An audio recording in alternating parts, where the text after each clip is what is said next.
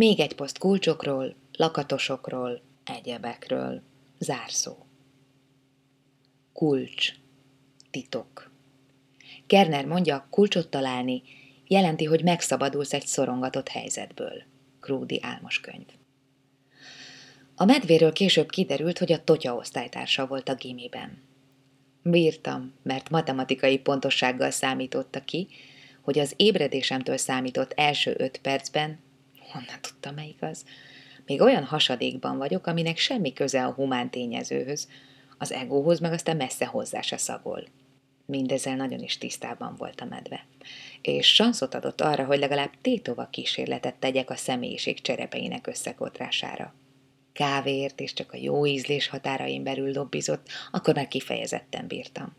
Reszelgetésben is szimpatikusan mértéktartó volt. Nem úgy esett neki, mint Tóth az anyjának, hanem csak meglebbentett valami kis harát, valami rezignált férfi erőt, és olyan fentről lefelé formán három-négy pontos, célirányos mozdulatot tett, és azokban a mozdulatokban a szvénított profizmusa volt.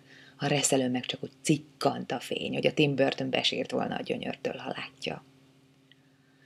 Szóval a medve, úgy, ahogy volt, teljes férfi valóságában bírta a szimpátiámat.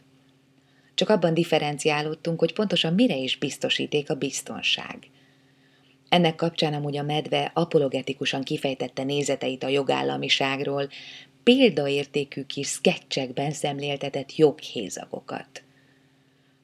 Mielőtt elment, meghagyta a telefonszámát. Ez különösen kedves gesztus volt tőle, mert korábban én már kétszer hívtam a mobilján. Nem baj.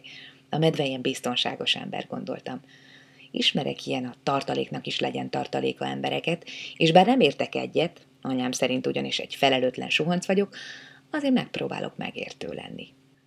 Szóval a medvéről később kiderült, hogy a Totya osztálytársa volt a gimiben, és így összegezte a medvét. Jaj, hát ez egy olyan édes, jó gyerek volt. Mindig bírtam. Kár, hogy olyan lúzer.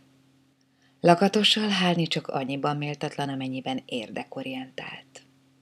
Anyám például a kokáért hozzávetőleg 11.680-szor tette.